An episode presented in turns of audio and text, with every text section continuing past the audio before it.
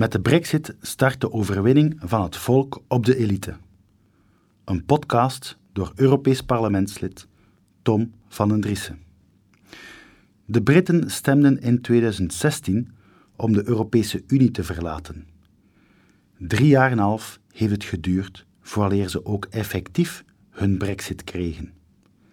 Dat komt omdat de eurofiele elite er alles aan gedaan heeft om deze brexit te saboteren. De mensen hadden immers verkeerd gestemd. En dat kwam omdat ze zogezegd gedesinformeerd waren. Ze waren misleid door leugens, lieten zich leiden door valse emoties en manipulaties via sociale media.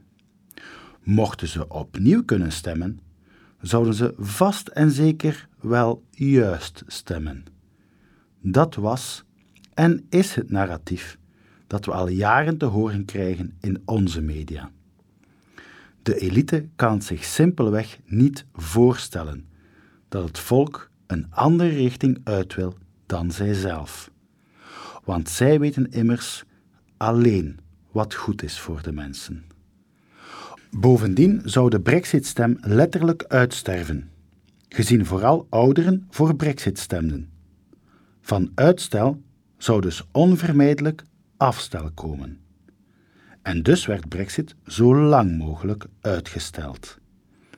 Enerzijds door een anti-Brexit-meerderheid in het Britse parlement, anderzijds door de Europese Unie, die met chantage en afschrikking zowel Brexit wou saboteren als andere landen duidelijk maken wat de prijs is, mochten zij ooit ook overwegen te vertrekken.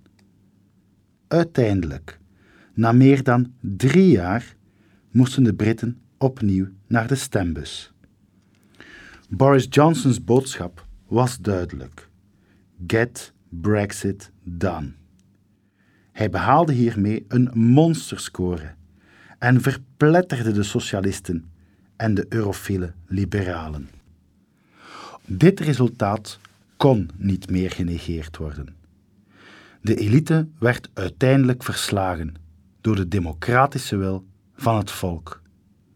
En dus krijgen de Britten eindelijk hun brexit. Nigel Farage somde in zijn afscheidsrede nog eens de voordelen van brexit op. Geen financiële bijdragen meer aan de Europese Unie. Geen Europees Hof van Justitie meer. Geen pesterijen meer. Geen neerkijken op gewone mensen meer. Geen Guy Verhofstadt meer. Toen hij met zijn Britse tafelvlag zwaaide, werd hij letterlijk de mond gesnoerd.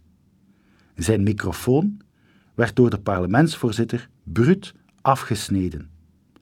Hij overtrad immers de recent ingevoerde regel dat nationale vlaggen verboden zijn in het Europees Parlement. Een laatste incident dat zeer illustratief is voor hetgeen de Europese Unie geworden is. De Europese Unie is ooit begonnen als een positieve samenwerking tussen vrije en democratische staten. Een samenwerking uit noodzaak, maar ook een noodzakelijke samenwerking. Samen meer kunnen dan elk apart. Respect voor elkaars identiteit, soevereiniteit en vrijheid. Grote staten die kleinere staten niet langer konden vertrappelen. Subsidiariteit enzovoort. Dat waren ooit de ordewoorden voor de Europese samenwerking. En dat zijn nog steeds de principes die door de fractie Identiteit en Democratie, waarvan Vlaams Belang deel uitmaakt, worden onderschreven. Maar dit is helaas niet langer waar de Europese Unie om gaat. Integendeel is de bedoeling van een bepaalde elite om een EU-superstaat op te richten. Daarom willen ze de nationale staten vernietigen door macht te centraliseren. Daarom willen ze de nationale identiteit uitwissen door doelbewuste migratie te organiseren. Daarom willen ze EU-belastingen en een EU-leger creëren, zodat ze de machtsinstrumenten hebben om nationale staten desnoods met geweld onder de knoet te krijgen. Deze EU-superstaat wordt bestuurd door anonieme technocraten en bureaucraten die niemand kent. Wie kent in Vlaanderen Margarete Chinas? Deze EU-commissaris bepaalt wel hoe ons asielbeleid eruit ziet. 70% van onze nationale wetgeving wordt ondertussen door de Europese Unie bepaald.